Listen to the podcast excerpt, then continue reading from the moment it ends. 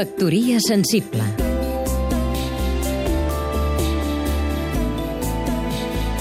Oleguer Sarsenedes, periodista.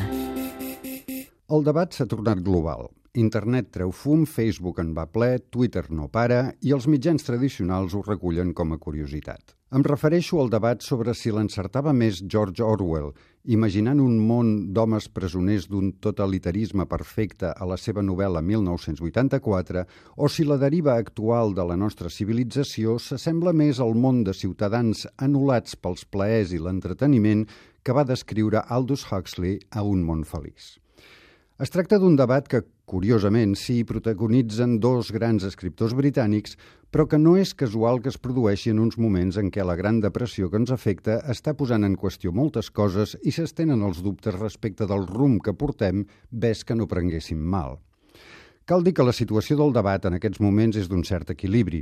Els partidaris d'Orwell i de Huxley es divideixen pràcticament al 50% i ja n'hi ha que proposen una síntesi, que tots dos tenien raó.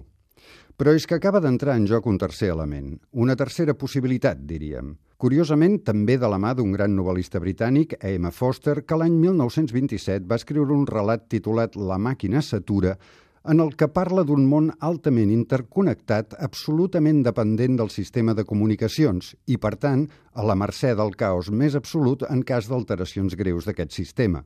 Un món, si fa no fa, com el d'ara, amb un ciberespai que és, de fa temps, tal com ens acaba de recordar Edward Snowden, un objectiu dels serveis de seguretat, d'espionatge i contraespionatge i on els ciberatacs ja són un fet de cada dia. Factoria sensible Seguim-nos també a catradio.cat